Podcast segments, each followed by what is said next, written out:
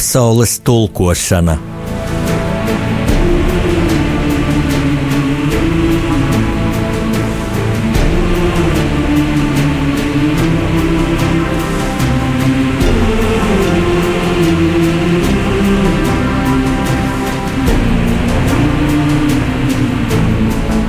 Studijā rakstnieks Jānis Udris.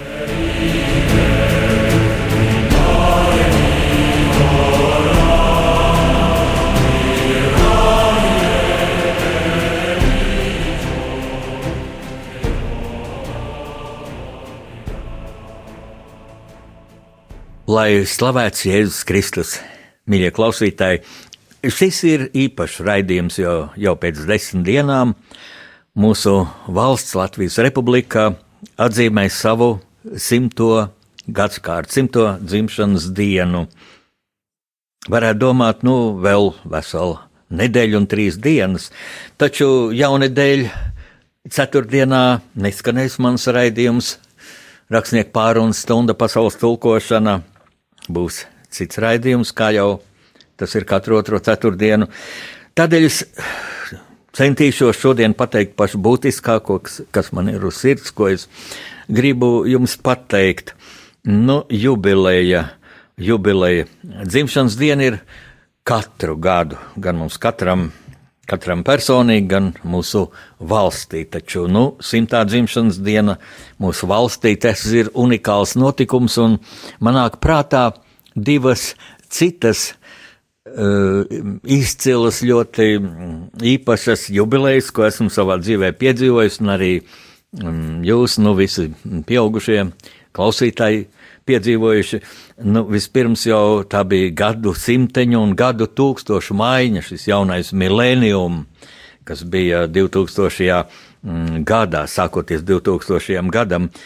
Unikāls notikums, kā pasauli to atzīmēja, nu, ļoti dažādi, ļoti dažādi ar krāšņām uguņošanām, ar, ar, ar, ar grezniem koncertiem bagātās valstīs, ar daudz pieticīgāku vērienu, e, nabadzīgās valstīs. Daži cilvēki to vispār nekā īpaši nepamanīja, sēdēja pie galdiem, ēda, dzēra vai, vai gulēja.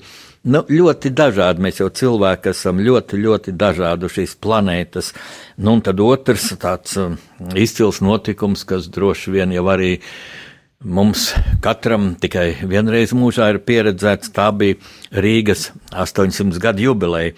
Un atkal es atceros, gatavojoties šai jubilejai, bija dažādi priekšlikumi, varbūt tur par daudziem miljoniem dolāru uzaicināt kādu pasaules megazvaigzni, uzstāties un pat diskutēt, kurā telpā vai kurā izstrādē, no acīm redzot, meža parkā, tad viņi tur dziedāt, un, un tad atskanēja tāda saprāta balss, bet kāpēc mums aicināt svešu cilvēku, vai tad mums pašiem nav izcili kori, izcili mākslas kolektīvi, un es domāju, ka tie svētki izdevās eh, patiešām godam, jo tur bija iesaistīta tauta. Es atceros, kā pie brīvības pieminekļa dziedāja kori augu dienu, citu, citu nomainīdam, un tad tur varēja dziedāt cilvēki eh, solo.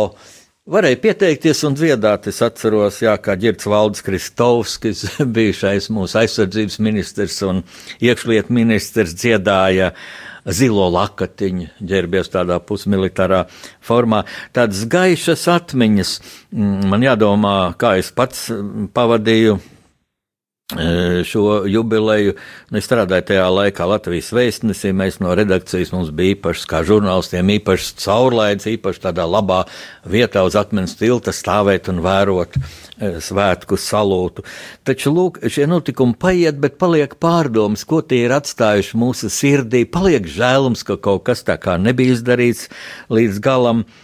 Un Nu, kopš šīs Rīgas jubilejas ir pagājuši, pagājis vairāk kā pusotras gadu desmits, un tagad es tā ļoti, ļoti sakoncentrējos domāt, mm, kā pavadīt šo mūsu valsts simts gadu jubileju. Pie tam jādomā ir intensīvi jau šobrīd, un es eh, aicinātu arī jūs kopā katru padomāt par savu dzīvi, saviem resursiem, savu situāciju, savām iespējām, jo ko šī jubileja dod? Es domāju, vispirms tāda jubileja ir unikāla iespēja ieskatīties savā dvēselē. Man ļoti bieži nāk prātā un dod labu padomu tāds e, arābu, laikam jau beduīnu, tūkstnešu cilvēku sakām vārds, ir tāda dzīves gudrība. Dvēsele pārvietojas kamieļa ātrumā. Un cilvēks, ja steidzas, tad bieži vien aizskrien savai dvēselē pa priekšu, un tad nu vajag apstāties cilvēkam un sagaidīt savu dvēseli. Un man liekas, ka šī dzīves gudrība vairāk nekā jebkad attiecas uz mūsu šodienu.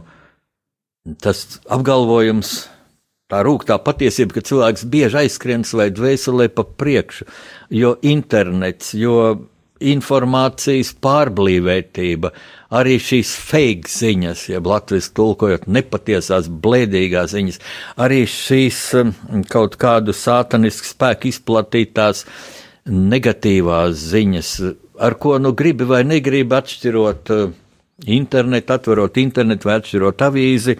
Tās duras acīs, tās tiek izceltas ar vis, vistreknākajiem burtiem. Lūk, šodien, šorīt es pārskatot jaunumus, es ieraugu milzīgu virsrakstu, četri noziedzīgi tur e, kristieši. Un tad izrādās, ka pa daudziem gadiem tur ir atrasti kaut kādi četri likuma pārkāpēji, kas ir bijuši mācītāji un priesteri. Nu, jebkurā profesijā ir kaut kādi pārkāpumi ir melnās avis, no kurām, mm, zinu, kristīgās draudzes, kristīgā baznīca atbrīvojas, ja cilvēks parāda savu tumšo seju. Ja cilvēkam paslīd kāja, un es domāju, ka kristiešu un, un mācītāju priesteru vidū tas notiek ļoti reti, nu, bet gadās, gadās. Kāpēc to skandināt? Pie tam ne jau kāds operatīvs notikums, bet pēkšņi ir izskaitļots ar kaut kādā laika gaitā kaut kādi četri gabali tādi bijuši. Un tad es tā nu, piespiedu sev paskatīties to riebīgo tekstu. Nu, tur, kas tur viens dzērumā brauc ar mašīnu, vēl kaut kas. Ja. Nu, tā es domāju, viņi jau sen vairs nav garīdznieki vai priesteri, viņi strādā kādās pavisam citās profesijās, bet lūk tāda ziņa. Nu, kādēļ to vajag? Un otrs, kad arī cilvēki nu, ļoti godprātīgi dzīvojot, bet tas dzīves temps ir uzkurināts tik briesmīgs, ka nav laika pat iedziļināties informācijā bieži mēs pārprotam kaut ko, mēs nedzirdam viens otru. Un es nesen piedalījos vienā ļoti interesantā fórumā, tādā biznesa fórumā. Es tur biju kā rakstnieks, kā godviesis uzaicināts, jo man ar biznesu nav nekāds sakars. E, fórums bija ļoti interesanti organizēts, bet tur runāja arī par jaunajām profesijām, par jaunajām tehnoloģijām. Un viens kādas, lūk, šādas um, eksaktās profesijas e, pārstāvs zinātnieks, vēlāk mēs uh, šī, šī noslēguma vakariņā sēdējām pie galda līdzās un runājām. Un viņš ir ļoti aizrautīgi stāstīja par jaunajām tehnoloģijām un kā pasaule arvien globālāk kļūstot, kļūst it kā aizvien ciešāk arī. Viņš ar lielu sajūsmu man teica, ka lūk, paies kādi 10 vai 20 gadi, un mēs varēsim gluži fiziski izjust, ko jūt cilvēks desmitiem tūkstošu kilometru attālumā, nu, piemēram, ko jūt Japānas kaut kur Hokkaido salā. Un es tā īsti nevarēju saprast, teicu, kāpēc man vajadzētu just, ko jūt Japānas, jo varbūt viņam ir ļoti intīmas tās izjūtas, kāda intīmā brīdī, tur vai nu ar savu sievu, vai es nezinu, atvainojos to, lai te atrodoties, nu, es to negribu just, un es negribu, lai viņš to justu. Nu, viņš to nesaprata. Jo vairāk tu jutīsi, jo labāk, bet jebkuras izjūtas, jebkura informācija taču pārblīvē mūsu apziņu, un, un mums zūd uzmanība. Ir taču kaut kāda robeža, kam mēs, kaut kāds limits, kam mēs varam veltīt savu uzmanību. Un tad es domāju, nu, ko viņam pretī teikt uz tādiem nu, absurdiem, tādu zinām apsēstību nu, par šo jauno tehnoloģiju visvarenību un vēlamību. Un es viņam teicu, klausies, bet vai vai nu ar tiem taviem aparātiem, vai bez viņiem, vai pēc 20 gadiem cilvēks varēs sajust, ko jūt, ko domā, ko grib pateikt otrs cilvēks, kas sēž viņam blakus pie galda vai guļ viņam blakus gultā. Un šis zinātnieks apjuka, apjuka. Un tad es tā iedomājos, ja, ja divi cilvēki sēž blakus un ienāks prātā no šīs tehnoloģiskās apsēstības, varbūt ieslēgtos mega modernos un varenos aparātus, lai dzirdētu vīrs, ko domā viņa sieva, vai tēvs, ko domā viņa dēls. Tas šie aparāti laikam pārdegs un sadegs zilās ugunīs, jo vienkārši nesapratīs komanda, nesapratīs, ka cilvēkam jājūt savu tuvāko, savu tuvāko cilvēku. Manas domas tās naktīs skrien visādus ceļus. Uz priekšu sāniem nereti riņķos. Manas saknes es jūtu, tās neaukānākas, pat auglīgā zemē tās liecās un nīkst. Mana tauta tā nīkst visās pasaules malās. Bez zemes savas tā cīnās un dālās. Mana tauta tā nīkst visās pasaules malās, pats savā zemē tā neaugā nākās. Palīdzi Dievs, palīdzi Dievs visai latviešu tautai, savieto mājās pie Daugavas krastiem, savieto mājās. Palīdzi Dievs, palīdzi Dievs mūsu latviešu tautai. Dzīt saknes drīz brīvas Latvijas zemē, dzīt saknes drīz brīvas Latvijas zemē. Katra diena tā sāp visai latviešu tautai. Dalītai šķirtai tik skumji skan dziesmā. Katra diena tā sāp visai latviešu tautai, dalītai šķirtai dziest lēnā mums liesmā.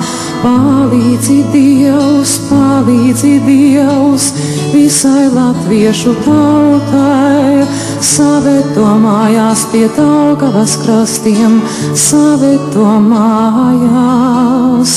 Palīdzi Dievs, palīdzi Dievs mūsu latviešu tautai, dzīt saknes drīz brīvas Latvijas zemē, dzīt saknes drīz brīvas Latvijas zemē.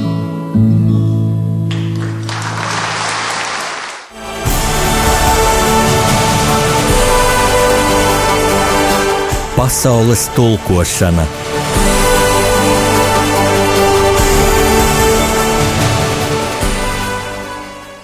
Un tā es, es gribu aicināt jūs, mīļie klausītāji, mm, un arī pats uz sevi, protams, to attiecinu, šo jubileju sagaidīt pārdomājot, kas ir izdarīts, ko gribējās izdarīt, un viens tāds lielais, kas, ko būtu, ko es esmu devis savai valstī ko es varētu dot savai valstī. Lūk, man šī bija ļoti svarīga doma, ko es esmu devis savai valstī. Es esmu nu, lielā, varbūt tādā nemierā, ļoti paškritiskā noskaņā pret sevi, kā es esmu pavadījis šos 30 gadus kopš Latvijas neatkarības atjaunošanas, nu te kādi man labos, kur vai nu 30, vēl jau, nav, vēl jau nav 30 gadi. Jā, bet es rēķinātu to laiku, kad atmoda bija paša epicentrā, kad tika dibināta tautas fronte. Nesen šo notikumu mēs atzīmējām ar brīnišķīgu mm, konferenci Dailas teātrī, es jau par to stāstīju savā rakstnieku pārunu stundā. Um, Es domāju, šajā gadījumā tas kriterijs būtu 30 gadu kopš mēs esam brīvi savā domāšanā, eh, savās dvēselēs, kopš mēs brīvi sākām atzīmēt 18. novembri. Un, ja tā padomā, tad man puse no šī laika ir pagājuši žurnālista darbā. Sākumā veidojot radio reportāžu, vispirms jau par mm, tautas manifestācijām Daugaumalā, par tautas fronts dibināšanas kongresu. Pēc tam um, reportāžas par janvāra barikādēm. Barikāžu laikā, kad uh, uh, Alfrēda Rubika izrīkotie omonieši ieņēma preses namu un no turienes izdzina visus nacionāli noskaņotos preses izdevumus. Un tur varēja palikt un tipogrāfijā drukāt savu avīzi tikai tādi reakcionārie, anti-latviskie izdevumi, mm, kas aizstāvēja nu, mm, padomju impērijas, brukošās padomju impērijas reakcionāros spēkus. Lūk, šajā laikā es norganizēju mm, vienas patriotiskas avīzes ābeli izdošanu. Rīgā nebija iespējams drukāt, nu mēs drukājam Jelgavas tipogrāfijā šo avīzi, un pirmās publikācijas bija par janvāra barikādēm, un tad pusotras gada desmits valsts oficiālajā laikrakstā Latvijas vēstnesis. Tā bija brīnišķīga profesionālā pieredze, jo es biju ārpolitikas redaktors, man bija iespēja, man bija pienākums, pienākums intervēt valsts prezidents, īpaši interesantas bija intervijas ar Vairvīķu Freibergu, astoņu gadu garumā, visas astoņas gadus kopš Vairvīķa Freiberga bija prezidente, visilgākā prezidentūra Latvijas simts gadu vēsturē. Eh, es arī atspoguļoju visas ārvalstu eh, vizītes, tas lielākās, kas saucas valsts vizīte. Un tā man pašam bija milzīga skola, kas pēc tam otrs šos 15 gadus ļoti noderēja rakstot savus vēsturiskos romānus, jo manos romānos Mm, ja jūs esat tos lasījuši, tur ļoti daudz diplomātijas, īpaši romānos par Zikfrīdu Anu Meirovicu, mūsu diplomātijas radītāju. Un tagad, tā domājot, nu, pavisam tā pragmatiski, kā es pavadīšu šo nākamo nedēļu, patriotu nedēļu, tad jāteic, mm, man tā sāksies 11. Eh, novembrī Lāčplēša dienā, ar ziedu nolikšanu pie brīvības pieminekļa, kur es iešu kopā ar saviem kolēģiem, vai kā es viņu saucu, cīņu biedriem no Lāčplēšu kluba. Šajā klubā apvienojušies tie cilvēki, kas ir apbalvoti ar valsts aizsardzības fonda Lāčplēsis eh, goda zīmi. Man arī ir šis gods, es šo apbalvojumu ļoti augstu vērtēju un tā gluži dvēseliski izjūt, ka tas uzliek lielu pienākumu būt šādā balvojuma cienīgam, būt barikāžu, sarga medaļas un, lūk, šīs lāčplēšu godzīmes e, cienīgam. Nu, un tad patriotu nedēļa aizies diezgan tādā nopietnā darbā. E, otrdienā, 13 novembrī es braukšu uz Smilteni, kur man ir tikšanās uh, reģionālā biblio, bibliotekāru seminārā. Taču tajā mm, tikšanās reizē ar mani būs ne tikai bibliotekāri, tur ir brīvi ieeja, tā kā smiltenieši un apkaimes iedzīvotāji esat laipni lūgti pulksten 12. nākamo otrdien pulksten 12. un es esmu aicināts runāt par Kārlu Ulmanu. Jo kāpēc tas ir aktuāli? Eh, es esmu pārliecināts un pārliecinājies astoņos gados kopš man romāna iznākšanas, tiekoties dažādās auditorijās, ka tieši Ulmaņa lēmums, faktiski neizlēmība gļēvā padošanās padomju okupantu agresīviem ultimātiem, ka tas ir iesējis mūsu nācijā tādu gļēvumu sindromu, un tas varbūt jau pat ģenētiski ir pārmantots no paudzes paudzē.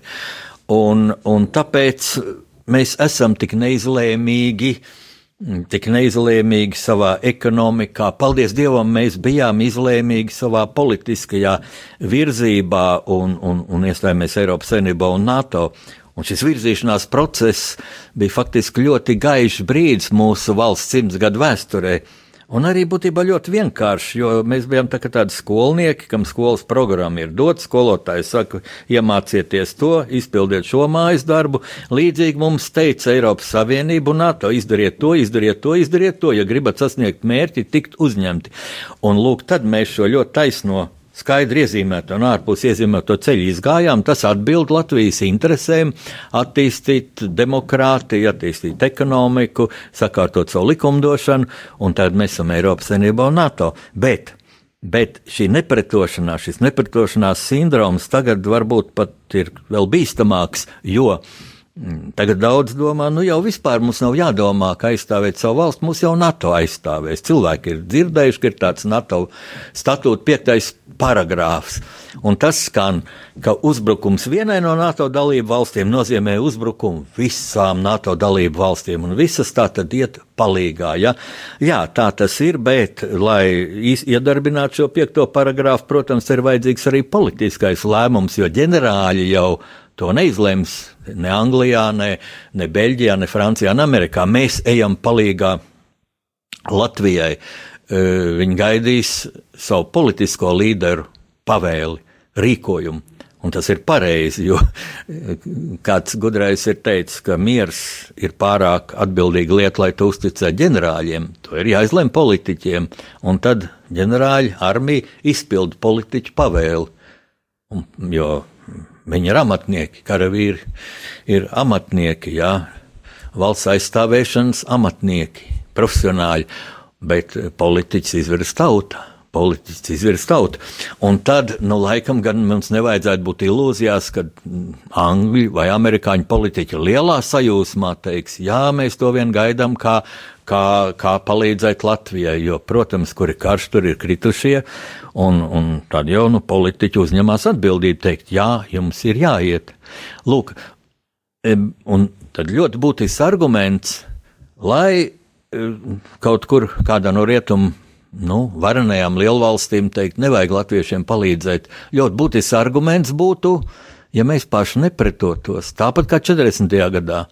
40. gadā mums bija liela armija, ļoti patriotiska, laba armija. Nevajag ticēt muļķībām vai skat, skatīties padomu laika filmu Ceplis. Jā, lieliska filma ar brīnišķīgiem aktieriem, ar, ar izcilu režisoru, bet tur tomēr bija propagandas elementi paņergāties pa Latviju, ka bija divas bruņmašīnas, tā tālāk nebija divas bruņmašīnas, bija tanki, nebija daudz, bet bija, bija moderni tanki, jā, bija vieglie tanki, bet tādi bija visās Eiropas armijās, izņemot divus Hitlera armiju un Staļina armiju, kas jau paredzēja agresijas un jau sāk būvēt vidējos un lielos tankus. Redziet, es aizgāju detaļās, bet pats galvenais notikums man, sagaidot šo 18. novembri, būs literāra muzikāls uzvedums. Eh, Latvijas Universitātes akadēmiskajā bibliotekā, tas ne, nejauciet lūdzu ar gaismu spīli, akadēmiskā biblioteka atrodas Rūpniecības ielā, tā ir tā sauktā misiņa biblioteka, biblioteka ar unikāliem uh, retiem izdevumiem, retiem rokrakstiem, un tā atrodas Rūpniecības ielā, tad Daugos labajā e, krastā.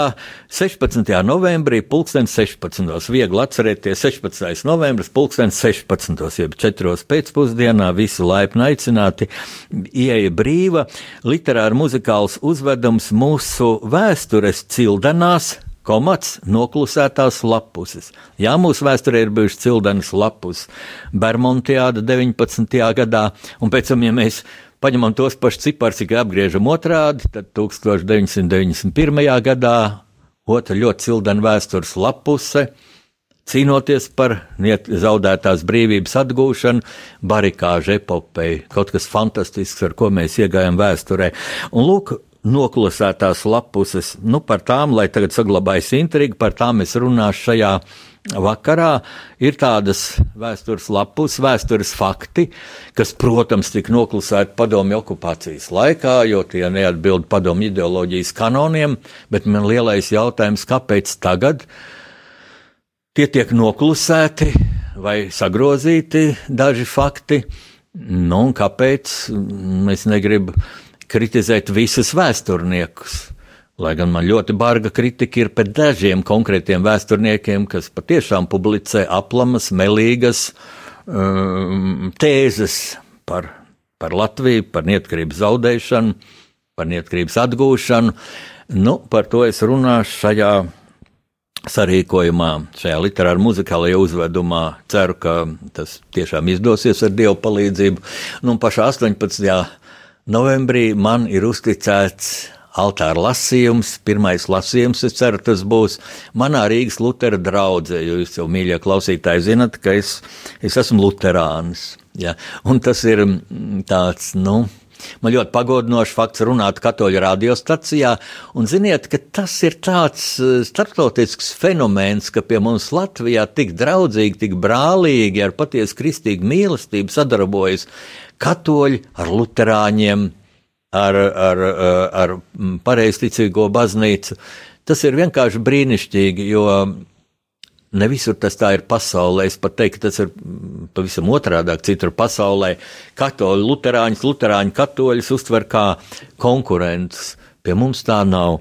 Nu, Lūk, tāds, tādas manas pārdomas, tikai viens pārdomu vektors lielās jubilejas priekšvakarā, bet noteikti, noteikti šajā jubilejā arī mums vajag atcerēties, kāds bija mūsu ceļš, kāds bija mūsu ceļš uz neatkarības atgūšanu. Un te ir daudz vektoru, kurus mēs aizmirstam.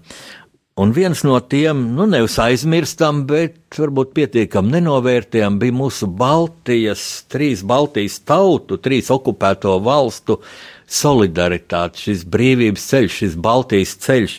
Un par to es aicinu padomāt mūsu muzikālajā pauzē.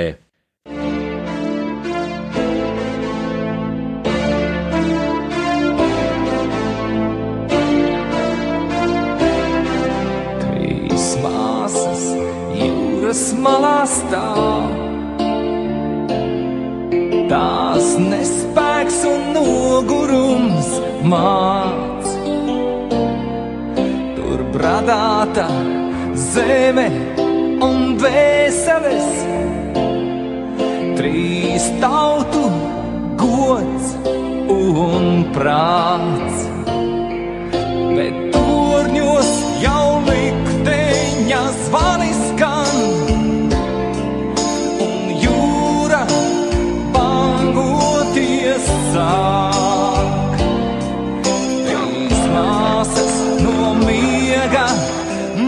受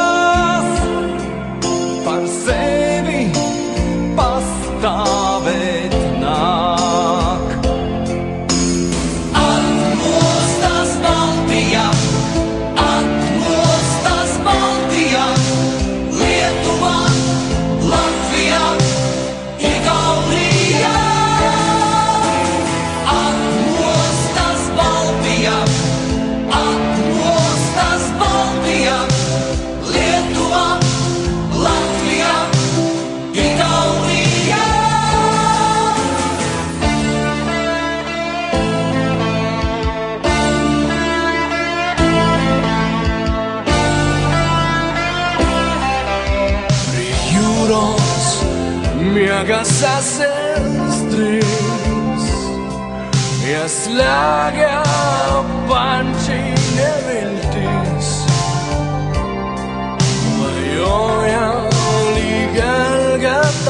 paiuru Doasa contungar bens Lava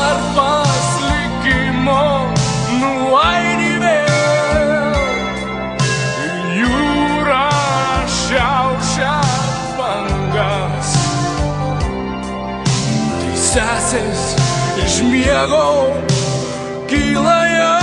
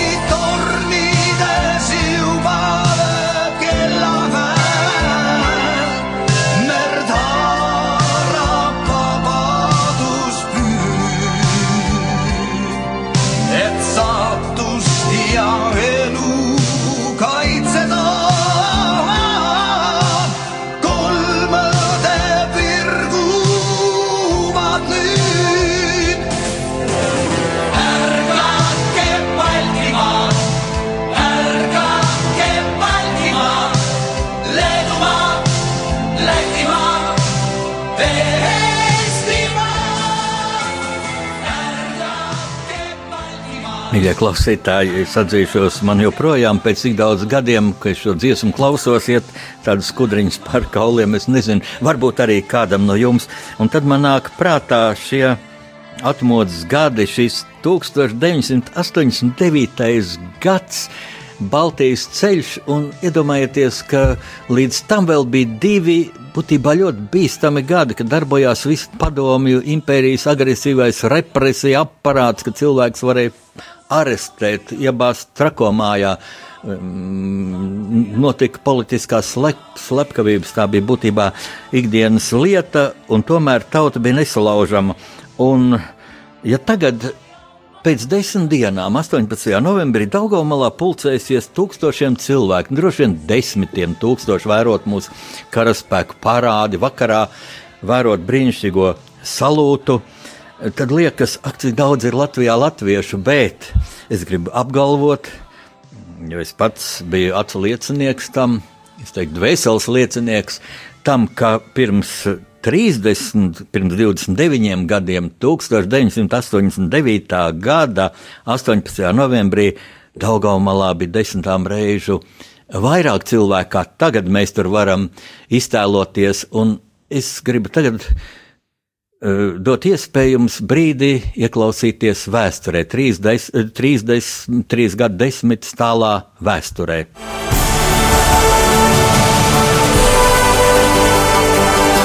Pasaules tulkošana.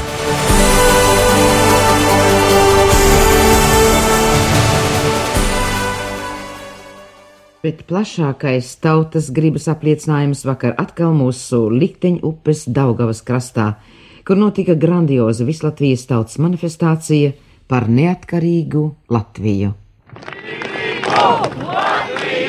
Šobrīd es ar dzimtakas mikrofonu esmu Daugomlā netālu no Rīgas pils. Šajā vietā ir būts neskaitāms reizes, būts darba dienās, būts dažādu pompozu svētku reizēs, būts tautas manifestācijas laikā. Taču var droši apgalvot, ka vēl nekad šai vietā nav bijis vienopats tik daudz cilvēku. Tik daudz cilvēku šeit nebija pat grandiozajā šī pavasara svētku manifestācijā, kad te bija sapulcējies ceturdaļa miljons cilvēku. Cik vien tālu skatiens sniedzas te Daugaumulā no dzelzceļa tilta līdz pat jūras ostai. Krastmāla ir ļaužu pilna.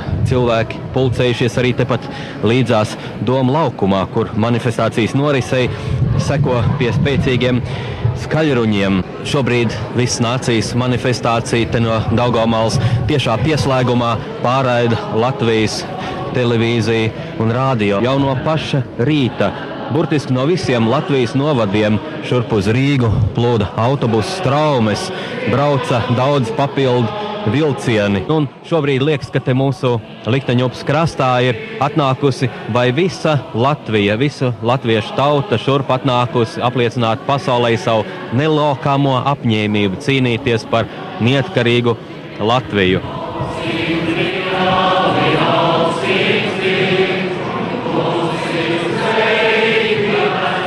Šeit uz kāda sena latviešu karoga es lasu vārdus - Tēvzeme un brīvība visvētākie dārgumi pasaulē.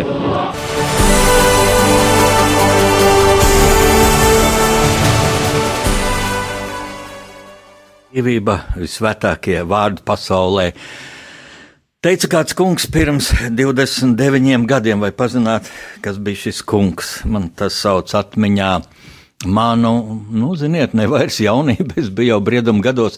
Es ļoti labi apzinājos, ko es to brīdi daru, kāpēc es to daru. Apzinājos arī, ka tas ir risks, bet, ja kopā ir pusmiljons latviešu, ja visapkārt tev ir draugi, pat ja tu viņus nepazīsti, bet tu jūti, tu acīs redzi, tu zini, šie cilvēki domā tāpat kā tu, tad vairs nekāda, nekāda vāra, nekāds spēks mūs nevar salauzt. Mm, nu, tādas man šīs izjūtas, un man ļoti gribētos, eh, reportāža bija gāra, un, un visa nevarētu ietilpt mm, šajā rakstnieku pārunu stundā, bet es vēl gribētu vienu epizodi jums demonstrēt. Vēl kā cilvēks vai pazīsiet balsi.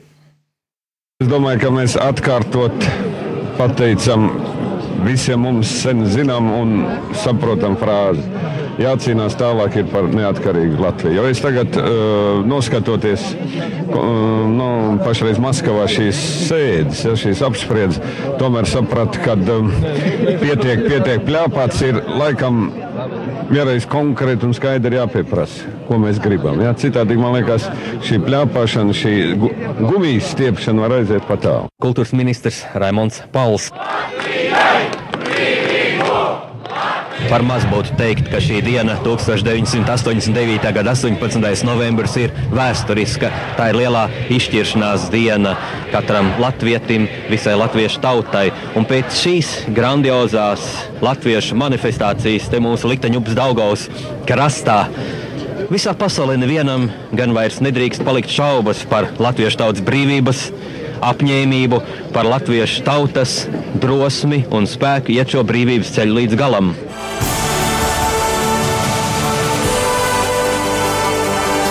Pasaules tulkošana.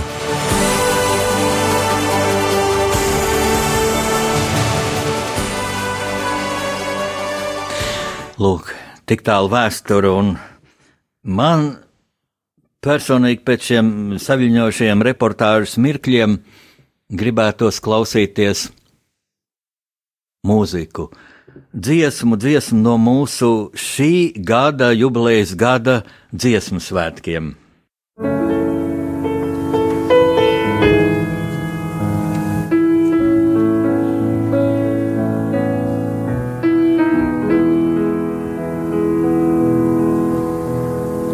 Dzied, mana dvēsele dzied, caur tūkstošu balsīm klusi. Dievs manā dvēselē dzied, kas zvaigznēm pieabirusi. Skumst mana dvēselē skumst, kā zvējas tīkli jūras krastā skumst, mana dvēselē skumst, tā skumst,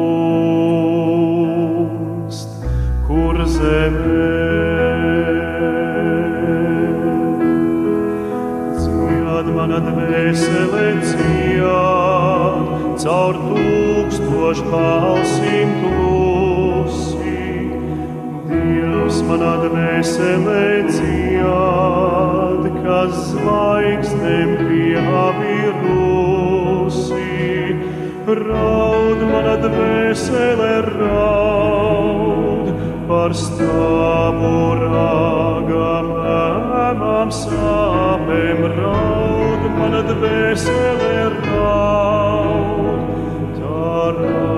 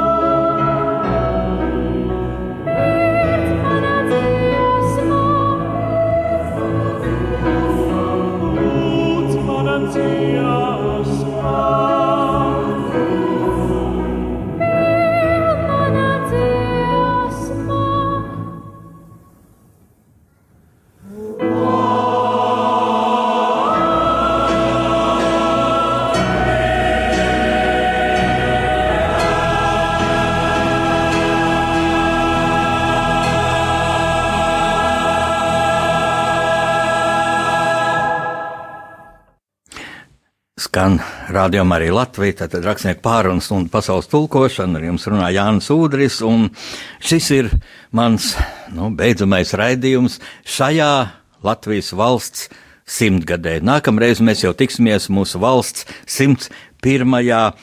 gadā.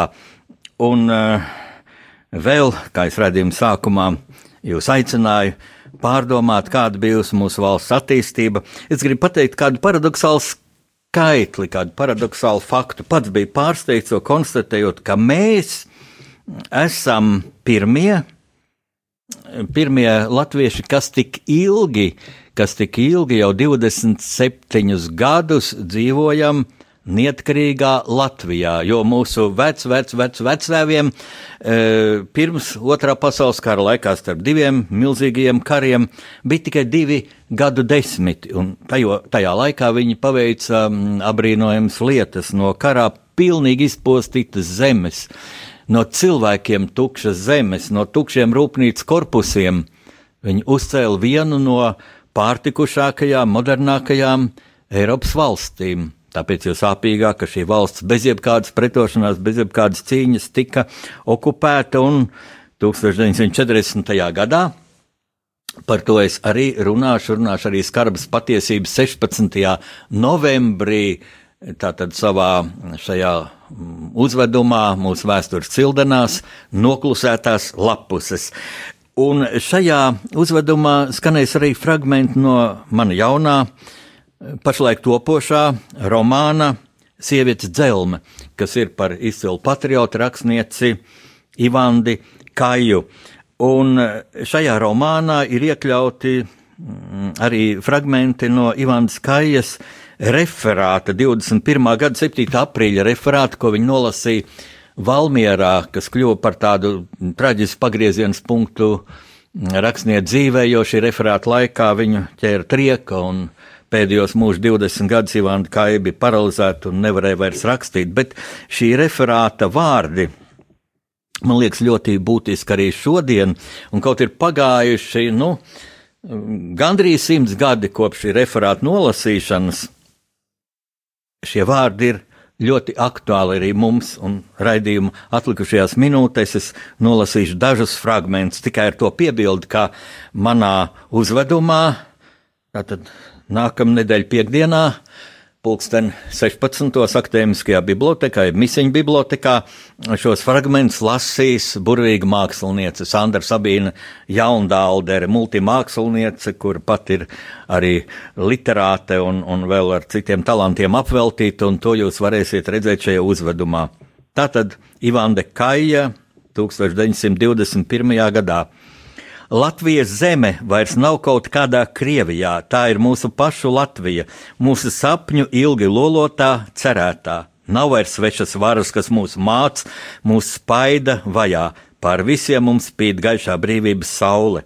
Dzīvinoša spēka šalti tā lej mūsu miesās, mūsu garu tā modina jauna laika lieliem darbiem. Mums jābūt visiem vienlīdz brīviem pilsoņiem, iekšēji garīgi brīviem, tad mēs būsim garā lieli. Bet īstam lielumam ir maz kopēja ar varu un augstu stāvokli. Tāds nekad nedrīkst būt mūsu centienu galamērķis. Mums tagad ir visus apvienojošā sabiedriskā ideja - mūsu valsts. No tās izriet visi mūsu dzīvības paņi, pavadieni, kas saista mūs kopā vienā lielā pienākumā, vienā kopējā mērķī Kāds prieks strādāt pašiem savā mājā, ceļot to, kopjot, daļojot. Neviens mūs no tā vairs nevar izdzīt. Neviens tagad nevar sacīt, lai tas būtu vīrietis vai sieviete, ka viņam trūks dzīves mērķa vai nozīmes.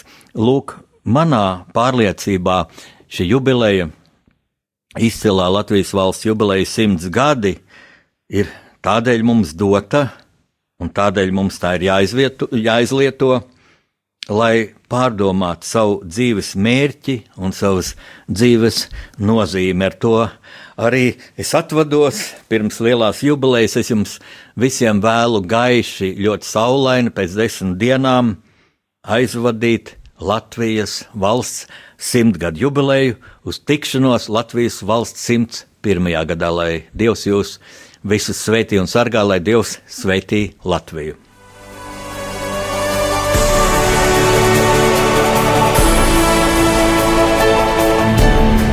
Pasaules tulkošana